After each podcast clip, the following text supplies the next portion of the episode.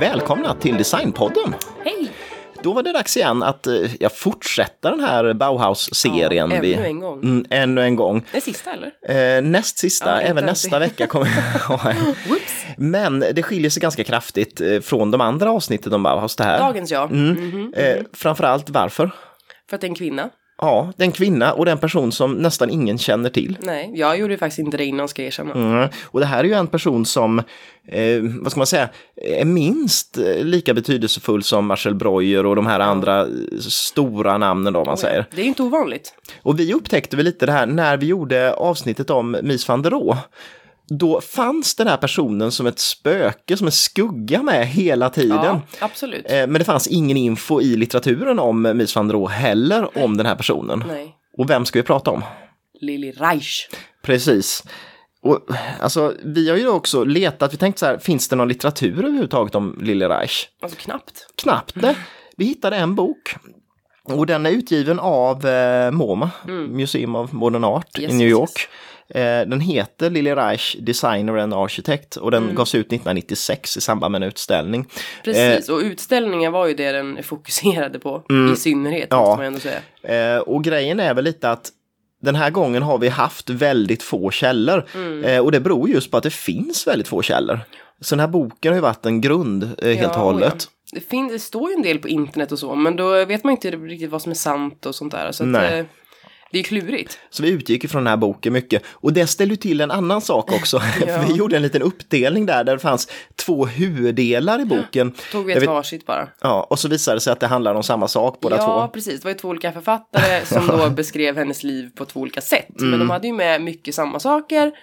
Därför blev det lite knas. Så det kan bli lite knas även för oss. Ja, risken är att vi flummar till det lite här nu, men vi kör bara och sen så ser vi var vi landar. Ja, Och jag tänkte innan vi kör den här, liksom, sätter igång med avsnittet, så tänkte vi bara ta det här.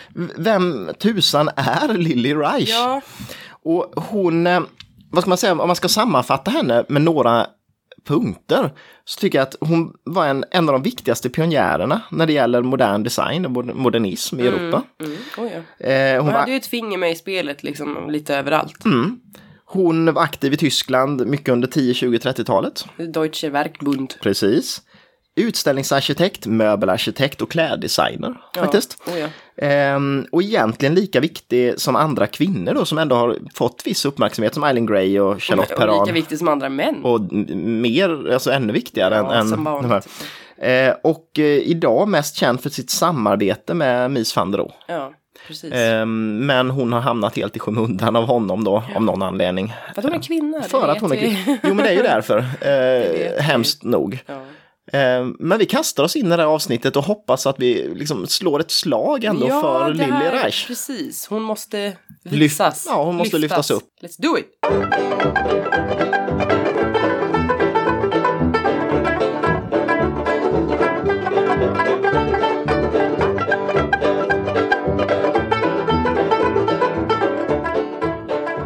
Reich då, hon föddes enligt Wikipedia, som ju inte är en källa man ska använda, det har man lärt sig hela skolgången. Ja, men nu fanns det inget annat att gå på. Nej. ingenstans.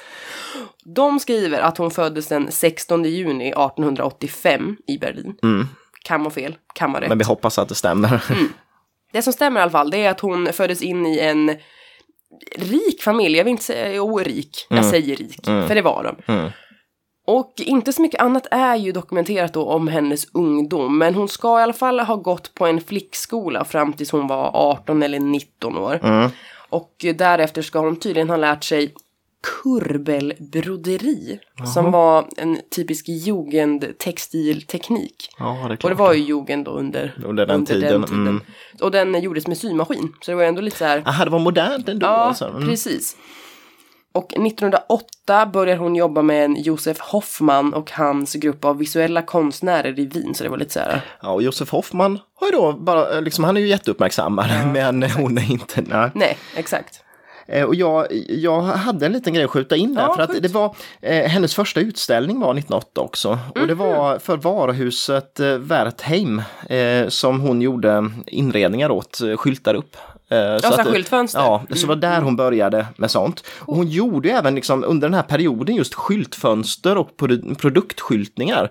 För hon gjorde även 1913 ett skyltfönster för Elefanten Apoteke, då, eh, där hon visade läkemedel. Men det som var lite intressant där det var att det var nyskapande för att hon visade apotekets läkemedel i skyltfönstret. I skyltfönstret på ett apotek. Ja, det var så här. Men hon gjorde det eh, genom att hon ställde också ut de saker man hade använt för att tillverka läkemedlen Det ihop med hon den. ju senare också. Exakt. så Inte re- just Nej, nej, läkemedel. då, men, men redan här gör hon det, så att hon har motlar, hon har labbutrustning och sånt ihop Coolt. med det andra. Och då blir det ju en annan grej. Och Ja. det var ju verkligen inte eh, sådär, det, Nej, det står nej. inte en, en liksom förpackning magnesyl bara där och sen är det inte mer. Men det är ett jättekonstigt fenomen. Ja, ska man absolut. flasha upp morfinet i? Bara, Ja, det är så här, kom in och shoppa. Jättekonstigt.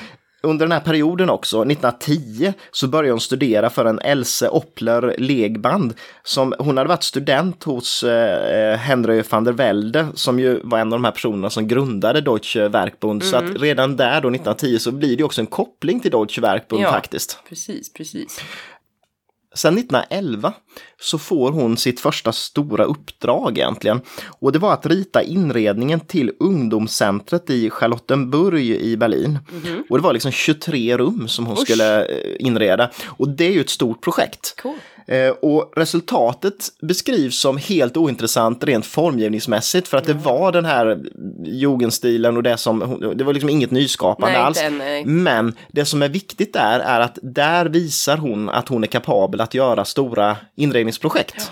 Och genom det här projektet då eh, så fick hon andra uppdrag så att hon, hon fick bland annat rita en arbetarbostad och två affärsinredningar på utställningen Kvinnan hemma och på arbetet 1912.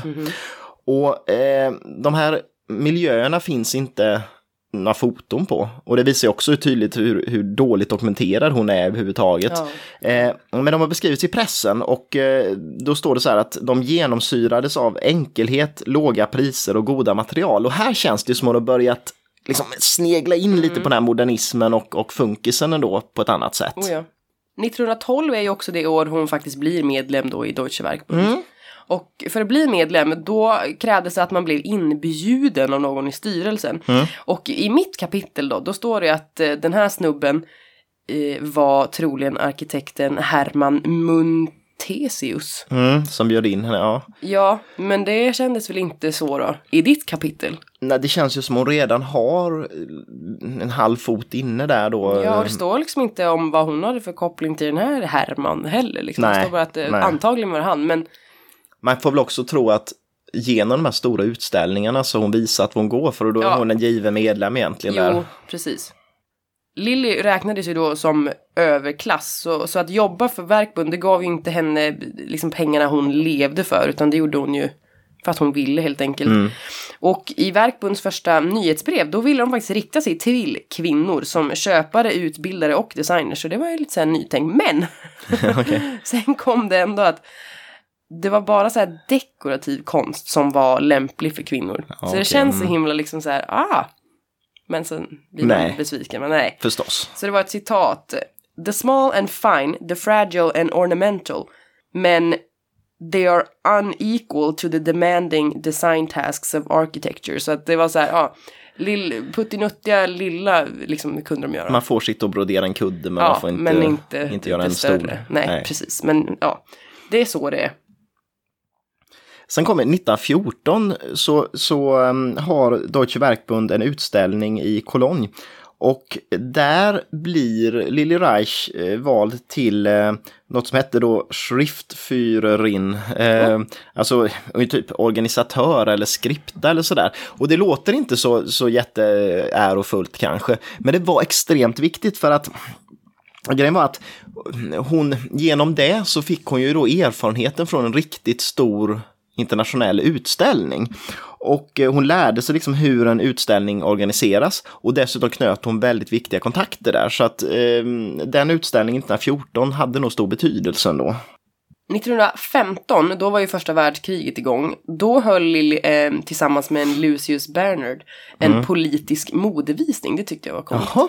Som till och med kronprinsessan medverkade i. Jaha. Det är ju askaxigt ju. Och 1920 då blir hon det faktiskt den första kvinnan att eh, bli medlem i styrelsen på Verkbund. Mm. Och hon får i uppdrag att organisera en stor utställning kallad Fashion Craft som då var helt eh, tillägnad kvinnligt mode. Så att det blir, ja, men jag blir så här besviken och så blir jag glad för att det är så här, ibland är det så himla liksom pro-woman och så blir det så här, ja. Och samma år Mm. hölls en utställning i eh, Newark, New Jersey, som kallades för The Applied Arts. Och där var det ungefär 1600 objekt som eh, liksom skulle representera tysk design. Och det var det också Lilly som eh, valde ut de här objekten. Så det är ju ändå stora... Stora uppdrag Grejer hon får. gör. Ja. Från och med nu ungefär så var hon en av de mest aktiva medlemmarna i Verkbund. Och hon var liksom en del av den innersta kretsen där alla viktiga beslut fattades och sånt där. Och det var ju då inte så vanligt Nej. för en kvinna under den här tiden. En annan stor händelse i hennes karriär det var utställningen From Fiber to Textile 1926 på den internationella Frankfurt Fair. Och hennes eh, karriär hittills hade ju redan inkluderat en del utställningsdesign, massa verkbundgrejer, möbeldesign. Men hon hade aldrig gjort en, en hel utställning, eller sådär pass stor, där hon gjorde allting själv. För hon designade Nej. själva, jag säga inte lokalen, men Men själva utställningen då? Ja, precis. Och valet då av objekt och hur hon sen sammanställde det. Så hon gjorde verkligen allting. Och lika, här kommer vi tillbaka till det här som det som skyltfönstren. Att hon, hon kommer ju då att inkludera råa material och teknikerna. Just det. Och inte bara den här slutgiltiga produkten liksom, utan allting fick vara med. Om man skulle förstå lite hur, hur det här är gjort. Precis. Och nu kommer vi fram till 1927. Och det här är ett jätteviktigt årtal. Eh, för att eh, då hålls utställningen Die Wohnung i Stuttgart. Och den har vi pratat om flera gånger nu, eh, de senaste avsnitten. Och vill man veta ännu mer, alltså det är väl det här Miss van der avsnittet som är allra bäst att lyssna på. Men det här var ju en utställning som var i samarbete med, med Deutsche Werkbund och staden Stuttgart. Och eh, huvudarkitekt var då Ludwig Mies van der Rohe. Och det här är ju en person som får enorm betydelse för, för eh, Lille Reich. Ehm, och huvudutställningen om man säger, den hölls i centrum i Stuttgart.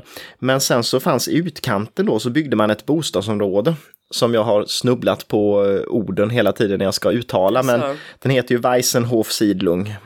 Ja, fint. Ja, rätt vackert.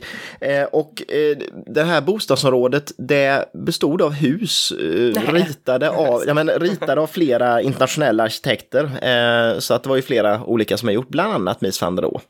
Och det som var viktigt här, har man letat fram då i den här boken vi har läst, det var att i den liksom interna korrespondensen som finns inom Deutsche Werkbund, det är att man är mån om att utställningen ska tilltala den unga generationen.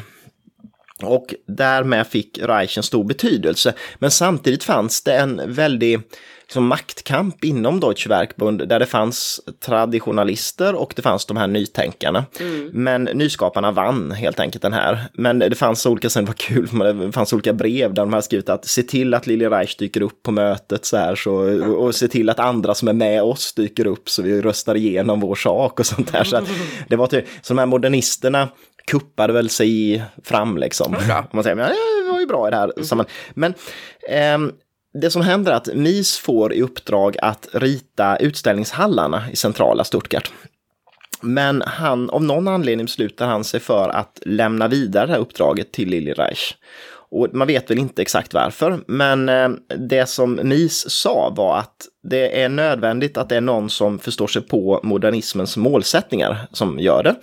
Och det behövde dessutom vara någon som man litade på till 100 procent och då fanns det bara henne som alternativ.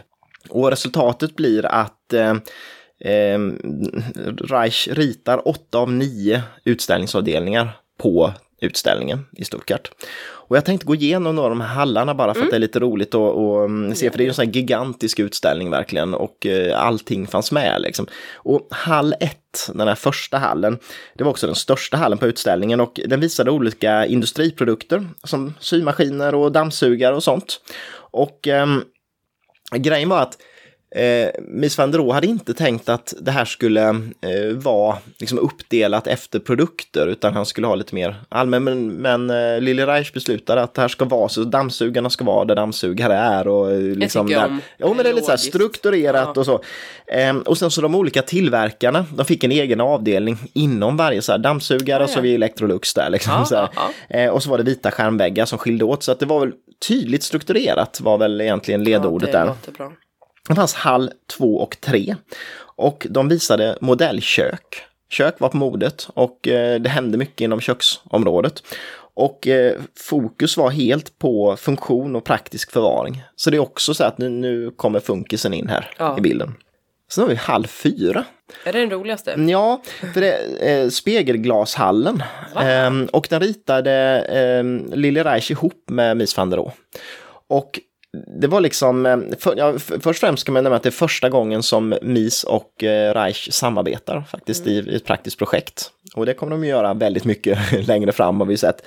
Eh, men tanken var att marknadsföra glasskivor från eh, Asso- Association of German Plate Glass Manufacturers. Eh, Så att det var liksom glasskivor. Men Men är man visa upp dem? Ja, man skulle så här visa dem, men egentligen så visar man inte glasskivan utan egentligen visar man möbler som står i rum och sen så är det glasväggar. Så att det blir ju en häftig Coolt effekt. Men det är ju egentligen möblen och det som är häftigast idag om man säger när man, Ja, när man jo, jo. tänker på det. Ja. Eh, Så det var massa olika rum som byggdes upp där i den här hallen. Och det var olika rum med olika funktion så att det kunde vara ett vardagsrum eller arbetsrum eller en matsal. Och eh, det var ju då Lili Reich och Mies van der Rohe som inredde de här rummen. Och det är lite kul för att det är olika färgskala i de olika eh, rummen, liksom så att glasväggen har olika färg så att Oh. man liksom leds igenom den här utställningen som en... eh, Liksom, Det låter fantastiskt. Mm. Som en regnbåge. Ja, och sen så är det linoleumgolv eh, där som också tar upp samma liksom, färgskala. Ah. Ja, trevligt.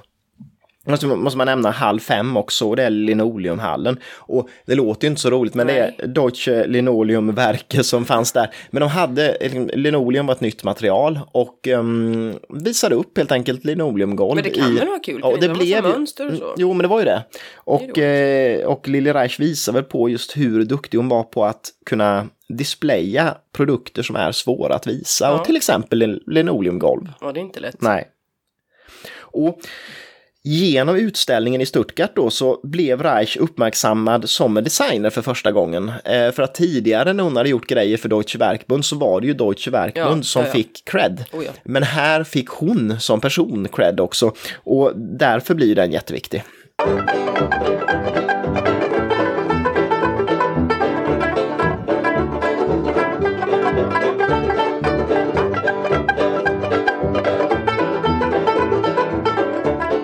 Och det här samarbetet mellan eh, Lili Reich och eh, Mies van der Rohe, det tar ju fart verkligen och det fortsätter ju även efter utställningen. Eh, det som är lite intressant är att man vet inte exakt hur de organiserade samarbetet, det finns inga dokument, dokument kvar liksom. Så att de fick olika projekt, men vem, hur, liksom, hur ekonomin delades på, vem som gjorde vad, det vet man inte. Det man däremot vet är att de hela tiden behöll sina egna kontor så att säga, så att man, de gick aldrig samman utan de var ju faktiskt åtskilda men ändå gjorde de allt det här tillsammans. Och sen i, redan i september 1927 så samarbetar Reich och Mies igen på en stor utställning. Och det är utställningen Die Mode der Damen, och, äh, dammordet i Jaha. Kaiserdam. Och grejen är att det- då kan man tycka att ja, men det här är ju också lite så här klichéartat för nu är det dammode och nu får hon vara med igen. Men det blir ganska bra för att det som eh, Mies och Reich gör tillsammans det är Sammets och Sidencaféet. Så det är ett café Mhm. på den här utställningen. Och det är ungefär precis vad det låter som. Ja. Det är ett café med väggar i siden och sammet. Var det rött? Eh, jag vet inte för jag har bara sett svartvita bilder men jag antar det. Det känns så. Eh, Och grejen är att det det är ju häftigt för att möblerna som är med, det är stålrörsmöbler, typiska Bauhausmöbler. Bl- Bland annat då är MR10 som är den här stolen som Mies och Reich har formgivit tillsammans, som är den här klassiska, eh, liksom, där man kallar cantilever-stol, men där, liksom, där det inte finns ben utan där det går ner en båge istället Ja. för ben. Ehm, och väggarna är då gigantiska draperier av sammet och det är inte bara väggar runt utan det här är väggar, liksom skiljeväggar inne i lokalen. Och vissa väggar är raka, vissa är halvmåneformade och så vidare. Och det här skulle kunna bli ganska tungt och, och liksom så här, men det blir det inte för att det är en sån enorm takhöjd i den här lokalen. Så att väggarna, trots att de, de ser ut att vara många meter höga, men ändå är det lika långt kvar till taket. Så då blir det luftigt tycker jag ändå, liksom, trots eh, mycket tyger. Och Reich och Mies, de gör ju många andra stora utställningar tillsammans. Eh, en som vi har pratat om redan, eh, det är ju Barcelona-utställningen 1929, eh, världsutställningen i Barcelona. Och vill man höra mer om den så eh, ska man ju lyssna på avsnittet om Mies van der Rohe. Ja. Men, men där har vi inte nämnt Lille Reich särskilt mycket. Men det man ska veta är att de gör utställningen helt tillsammans. Eh, och det innebär också att de ritar bland annat fåtöljen Barcelona tillsammans. Eh, hur stor del de olika personerna har i det, det, det, vet man inte, men, men att man idag bara säger att Mies van der Rohe har ritat Barcelona, det är ju fel. Ja. Och eh, nu, nu kommer ju, alltså från 1927 och framåt, då börjar ju eh, Lille Reich nästan helt fokusera på möbelformgivning.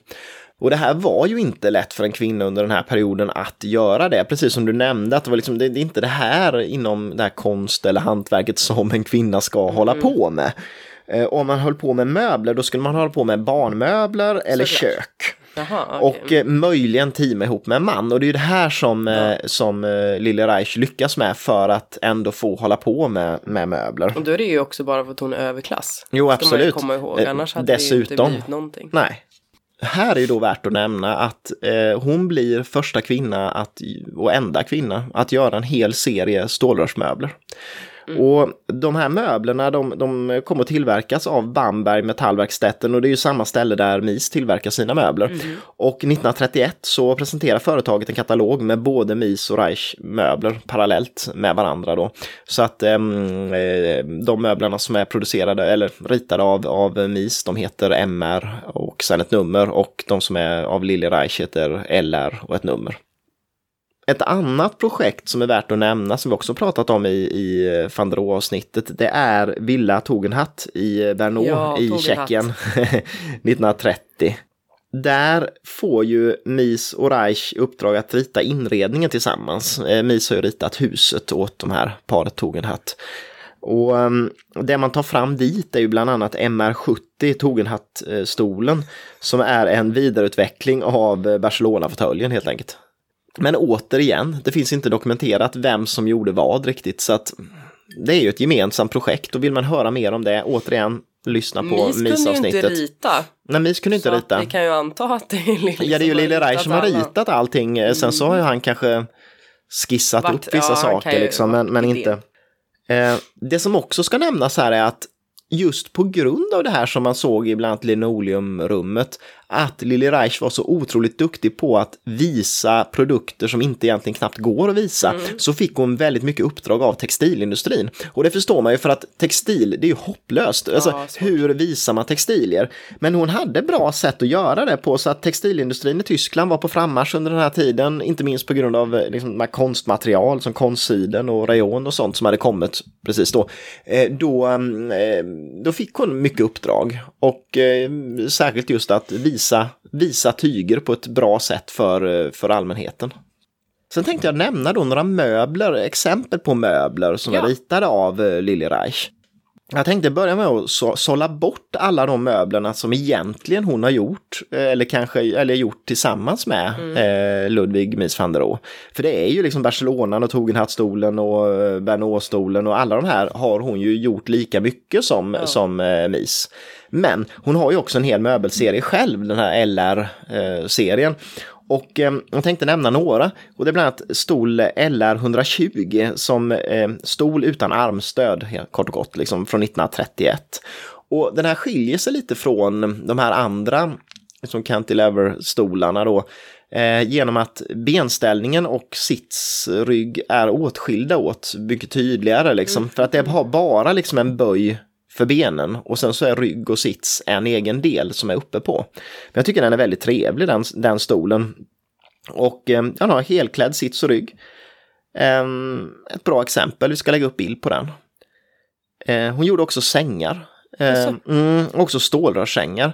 Drar ju lite åt sjukhushållet. Jag tänkte får jag det låter säga. inte Nej. jätteroligt. Men de gjorde flera olika modeller 1931. Eh, och då har vi LR600 som är standardmodellen då. Det är i stålrör och så har de huvud och fotgavel i stålrör också. Och sen gjordes det LR610 som var utan fotgavel och LR620 som inte hade några gavlar alls. Men trist, men det är klart, till institution. Det var ju gjort till institutioner och billiga Ja, bostäder. En möbel som känns väldigt modern däremot, som hon har gjort, det är, den är också ritad 1931 och det är trädgårdsbord LR500. Och det känns som någonting som skulle kunna vara ritat idag. Ehm, och det är, det är en rund träskiva helt enkelt och sen så tre stålrörsben som går ner. Men de går liksom från centrum på skivan och sen så lite svängt neråt. Så lite Ja, insektsaktigt men himla snyggt och Mm. enkelt eh, funktionellt tror jag inte heller finns i nyproduktion idag. Det är konstigt för att det är något som verkligen skulle gå hem. Ja, tror jag. oh ja, det tror jag med. Sen tänkte jag avslutningsvis när det gäller möblerna nämna en serie som jag gjorde senare, 1936. Så det här är ju under nazisttiden egentligen Mhm. i Tyskland. Men eh, den hette LR36, den serien, och sen så har de ett modellnamn till efteråt som visar vilket nummer det är i serien. Och där finns bland annat LR36 103 som var liksom en fåtölj med den här liksom, mm, stålrörsbenställningen då om man säger. Cantilever, ja, Jaha, med nej, funktionen. Ja. Ja. Men den har istället en ganska tjock stoppad sit- sits och rygg där liksom den rundade ryggen fortsätter fram med armstöd som liksom hänger fram i luften. Väldigt häftig stol som också skulle gå hem väldigt bra idag men inte finns i nyproduktion. Sen som alltid, vi vill ju nämna lite auktionspriser. Det vill vi. Och det går knappt. För, för det är ju väldigt synd, men det finns nästan inga klubbslag på möbler av eh, Lilly Reich. Nej. Jag hittade ett par i alla fall. Och det var 1999, så det är ju länge sedan. Men då sålde Christies en stol med eh, armstöd och eh, stålrörsstomme som tillverkades just vid Bamberg metallverkstätte. Och den såldes för 63 000 kronor. Så det visar väl på att de som ändå är insatt och intresserade av modernism förstår vilket stort namn hon var. Men borde inte tillverkare idag ta sitt ansvar att, att liksom dela med sig av, Jo, men jag av allt tycker det. som Både finns och noll och, bara... eh, både noll, män. ja men det är ju det, liksom både noll och, eh, och eh, Torné borde ju ta upp produktion på det här. Ja, och det. Det finns också ett skåp i valnöt som Lille Reich har ritat. Som Och sål- valnöt är plötsligt. Ja, det, det, det påminner inte alls riktigt om de andra grejerna, men väldigt snyggt. Det har två dörrpar och sen sex lådor, så det är väl tänkt som ett eh, klädskåp skulle Ja. jag tro. Eh, såldes på Sarbis 1992 för 45 000. Så att det finns några höga klubbslag, men nästan ingenting som är sålt. Nej. Och sen ska jag avsluta det här med möbler av Lille Reich med att jag återigen nämna så här, inom situationstecken Mies van der Roos dagbädd. För att vi nämnde det här i eh, Mies van der Roos avsnittet men det här ska bankas in ändå för att det är så banka. himla sjukt. Va? Och det är ju att eh, den här dagbädden har ju nästan alla sett. Ja. Och det är också förlagan till mm, liksom, den dagbädden som sen Paul Kärholm gör liksom, och hyllar Mies van der Rohe till skyarna liksom, för, för hans fantastiska dagbädd.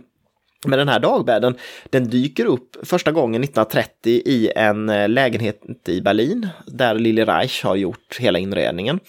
Eh, då såg den lite annorlunda ut. Den hade en tredelad eh, madrass, som man säger, den hade en söm på två ställen på madrassen. Och sen så hade den också ryggkuddar. Och det gör den ju kanske lite mer funktionell egentligen, men, in, min, men mindre kommersiell kanske på det sättet. Den ser inte lika liksom, exklusiv ut.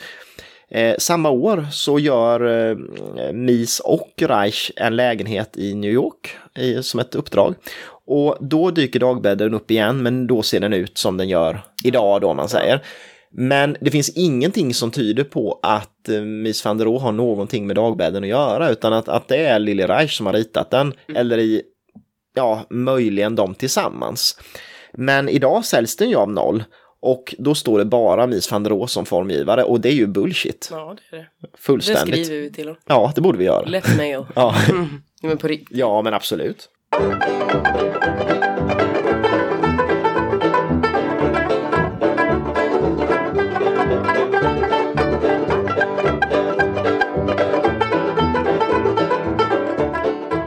Men nu är det här serien om Bauhaus. Det är det. Eh, och eh, då måste vi visa varför också Lili Reich är extremt viktig för Bauhaus-skolan. Ja. Ehm, och det grundas ju i att Mies blir ju rektor på Bauhaus 1930. Och genom honom får Reich 1932 uppdrag som ledare för både textilverkstan och inredningsverkstan. Och det är ju de två viktigaste nästan delarna av, eh, av Bauhaus-skolan då.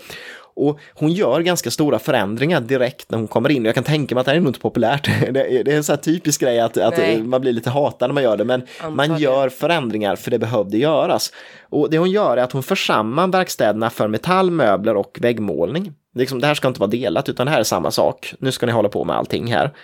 Och det hon också gör är att hon såg på textilverkstaden och såg att det här är ju inga som eh, håller på med det här knappt. Liksom, det finns tio studenter och det blir ingen viktig, viktig del. Någonting måste göras. Så då för hon samman textiltryck och eh, tapetmönster. Och det här blir väldigt viktigt. För dels ökar intresset, man gör även tapeter, det är bra för inredningar och, och sånt. Och det är inte samma liksom så här, kvinnostigmatiserade liksom, eh, delen då. Men också gjorde det ju i praktiken rent kommersiellt att varje mönster helt plötsligt kunde användas två gånger. Jättesmart. Och det är jättesmart och det är viktigt för lönsamheten. Och eh, Bauhaus hade ett avtal med textilfirman van Delden eh, som producerade de tryckta tygerna och de gjorde även tapeterna då och under Lille Reichs ledning så liksom blir det extrem ökning på försäljningen av Bauhaus eh, mönster. Och det man ska nämna då är ju att det är extremt ovanligt att en kvinna var lärare på konstskolor i Tyskland eh, på 30-talet. Och det var ju likadant överallt egentligen. Och det var ännu mer ovanligt att en kvinna blev, eh, fick en professur. Och det fick ju Ja. också Lille Reich. Ehm, och det som är helt bisarrt är att länge leddes ju liksom textilverkstan av män som inte hade någon erfarenhet av textilarbete. Ja. Bara för att det var otänkbart att en kvinna så att, skulle liksom ha en sån post. Så att hon har ju sån extrem betydelse. Hon är någon form av vågbrytare här Oh ja. liksom. Oh ja. Ehm, det är fortfarande dåligt idag liksom, men hon kunde ändå. Hon, hon kunde komma fram. Och nu är det då andra världskriget igen. Ja, En gång varje avsnitt, ja. ungefär. det, jo, men nu har det ju varit det ja, särskilt. oh Lilly får faktiskt fortfarande hålla på. Mm. Hon är ju ändå tysk, så att det, ja, ja, hon behöver inte fly som de andra. nej, inte så. Och hennes första utställning då under nazisternas styre, det var en utställning kallad German People, German Work. Mm. Där hon då arrangerade keramik, glas, porslin, tyskt. Ja, Visa upp Tyskland. ja. Men eh, kort innan den här utställningen öppnades, då blev hennes eh, kontrakt tillbakadraget. Aha. Och hon tvingades lämna över sina planer till en annan manlig arkitekt. Ja. Och varför vet man inte helt, men det spekulerades i att det var Hermann Göring som ins- insisterade på den här förändringen. Och eh, ja, att eh, det inte kanske fick vara en kvinna exempelvis. Nej, och att hon var kanske farlig också i och med att hon Ja, hade de här kopplingarna till. Bauhaus som inte gillade riktigt nazisterna. Exakt va. Så kommande år, då får hon inga liksom, statliga kontrakt så att säga. Det, det, blir, det blir ingenting mer med det. Mm, nej. Och de eh, arbeten hon får, det var ofta på grund av då hennes goda kontakter med Bauhaus. Mm. Och varför hon fick då så lite arbete, det var ju i synnerhet för att hon var kvinna, men också då på grund av hennes moderna stil och Bauhaus-kopplingar. Mm. Nazisterna ville ju då inte att kvinnor skulle ha karriärer, utan att de skulle vara mammor och hemmafruar. Så kvinnor blev ju i princip bannlysta från offentligheten. Ja. Det tänker man inte så mycket på vad andra världskriget var för Kvinnor. för kvinnor. Men inte, vi ska inte gå in på det. Hon var ändå tysk liksom. Men ja, det var, det var inte en bra Det var ingen bra... tid. Nej. Och det finns faktiskt ett antal brev kvarlämnade från, eh, från henne. Mm. Som hon har skrivit till lite olika polare. Mm. Och i dem så beskriver hon eh, bland annat situationen som eh, I have had a few smaller jobs but now again there's nothing. It is not a pretty situation but we are so helpless to change it. What a difficult time we were born in. Och det blir också så här, ja, det var det ju. Men vad, jag tänker bara på, jag tänker ju bara på andra världskriget utifrån något helt annat än tyskens situation. Men det är klart man förstår det. Ja, det är klart. Att det var skit för henne också. Ja, sen var det många som hade det mycket värre givetvis. Ja, precis, Ja, så att det att blir det- lite, det blir, mm, det var tråkigt att hon inte fick jobba. Jo. Men vissa, ja. Det är klart från hennes point of view att det var liksom Mm, mm. Det värsta Ja, som kan hända ever. Men under de sista krigsåren då fick hon faktiskt jobba på ett arkitektkontor. Men det var ju då uppgifter som var långt under hennes talang kan man säga. Mm. 1945 då var hon faktiskt tvungen att fly undan eh, bombningarna Ja, Berlin. det är klart. Ja. Och då förlorade hon också mycket av sina ägodelar. Samma år dock, då tar ju kriget slut som vi alla vet. Och då startades Verkbund upp igen. Och hon tog snabbt del av deras aktiviteter. Och eh, då hoppades hon faktiskt på att kunna tjäna ihop en eh, del pengar. För då Ja. hade hennes familj då blivit fattiga Ja. av kriget. Och det var väl eh, de flesta som Ja, blev det också, Jo, så att säga. Men det hann inte bli så mycket av det. Hon dör två år senare. Eh, 17, eller står det 11? Jag vet inte vad jag skrivit, ursäkta. 17 eller 11 december 1947 så dör hon efter en lång tids sjukdom står det. Men jag hittade inte vad hon dog. det var. Men Nej. hon var bara 60, 62 år gammal. Mm. Sen har jag ju inte hittat någon eh, personlig info överhuvudtaget om henne. Nej. Vilket är synd. Jag, det är ju det jag strävar efter. Mm. Vet om person. Det antyds, det antyds på flera ställen att hon och Mis hade ihop det, men det vet man ju inte. Det kan jag tänka sig, för jag kommer ihåg att jag sa om honom att han var värsta mm. vänsterprasslern. Ja, Så det är väl absolut möjligt, ser jag. men det finns heller inga belägg för. Så nu ska vi inte Nej. hålla på och spekulera på det här. Jo, Jo, det ska vi. speculate. Nej. Nej, men eh, tyvärr ingenting Nej, om hennes privatliv. nej. Och där har vi ju våran, alltså så bra vi kunde, en sammanfattning om eh, Lili Reich. Ja. Eh, det man kan säga generellt då är ju att det finns jättefå källor. Man kan skylla på kriget, att mycket bombades bort. Man kan skylla på, men det, det är ju skitsnack naturligtvis. männen. ja, i, I praktiken är det ju så att... att Det är de eh, som har varit historieskrivarna. Ja, så i praktiken är det ju så. Och Lili Reich har en mycket större betydelse för modernismen än eh, Vad vet. historien liksom skriver att, att, den, att hon har. Oh, ja. Så jag hoppas att det intresserade er lite för Lili Reich här i alla fall. Eh, Och att, att ni vill lära er mer för att det, det går ju att leta info men det är ju inte lätt att hitta. Nej, och man vet ju inte riktigt om det är trovärdigt då heller. Så att ja, Det är det luriga. det är det som är det luriga. Men åtminstone kolla in de grejerna som hon har gjort för att de Mm. är väldigt bra. Och eh, ha med i baktanken hela tiden att så fort det står Ludwig Mies van der Rohe på en möbel så har Lili Reich åtminstone ritat ritningen till den för att hon eh, var ju den enda av de två som kunde rita. Ja, och det var veckans avsnitt av Mm. Designpodden. Vi har ett avsnitt kvar eh, när det gäller män eh, och när det gäller Vi har Bauhaus. inte ett avsnitt kvar om män. Nej, Nej, vi har ett avsnitt kvar i Bauhaus-serien eh, och det kommer nästa vecka. Ehm, Sen är det slut. och sen är det slut. Nu, då kommer vi ju dra vidare på helt andra områden. Ehm, men om man vill oss något under tiden, va, så vad gör man då? Maila oss på designpodden gmail.com. Ja, och sen så givetvis så följer man oss på Instagram Ja. och där heter vi Designpodden. ja, Ja, och annars så ja, hoppas att vi hörs igen nästa vecka. det hoppas vi.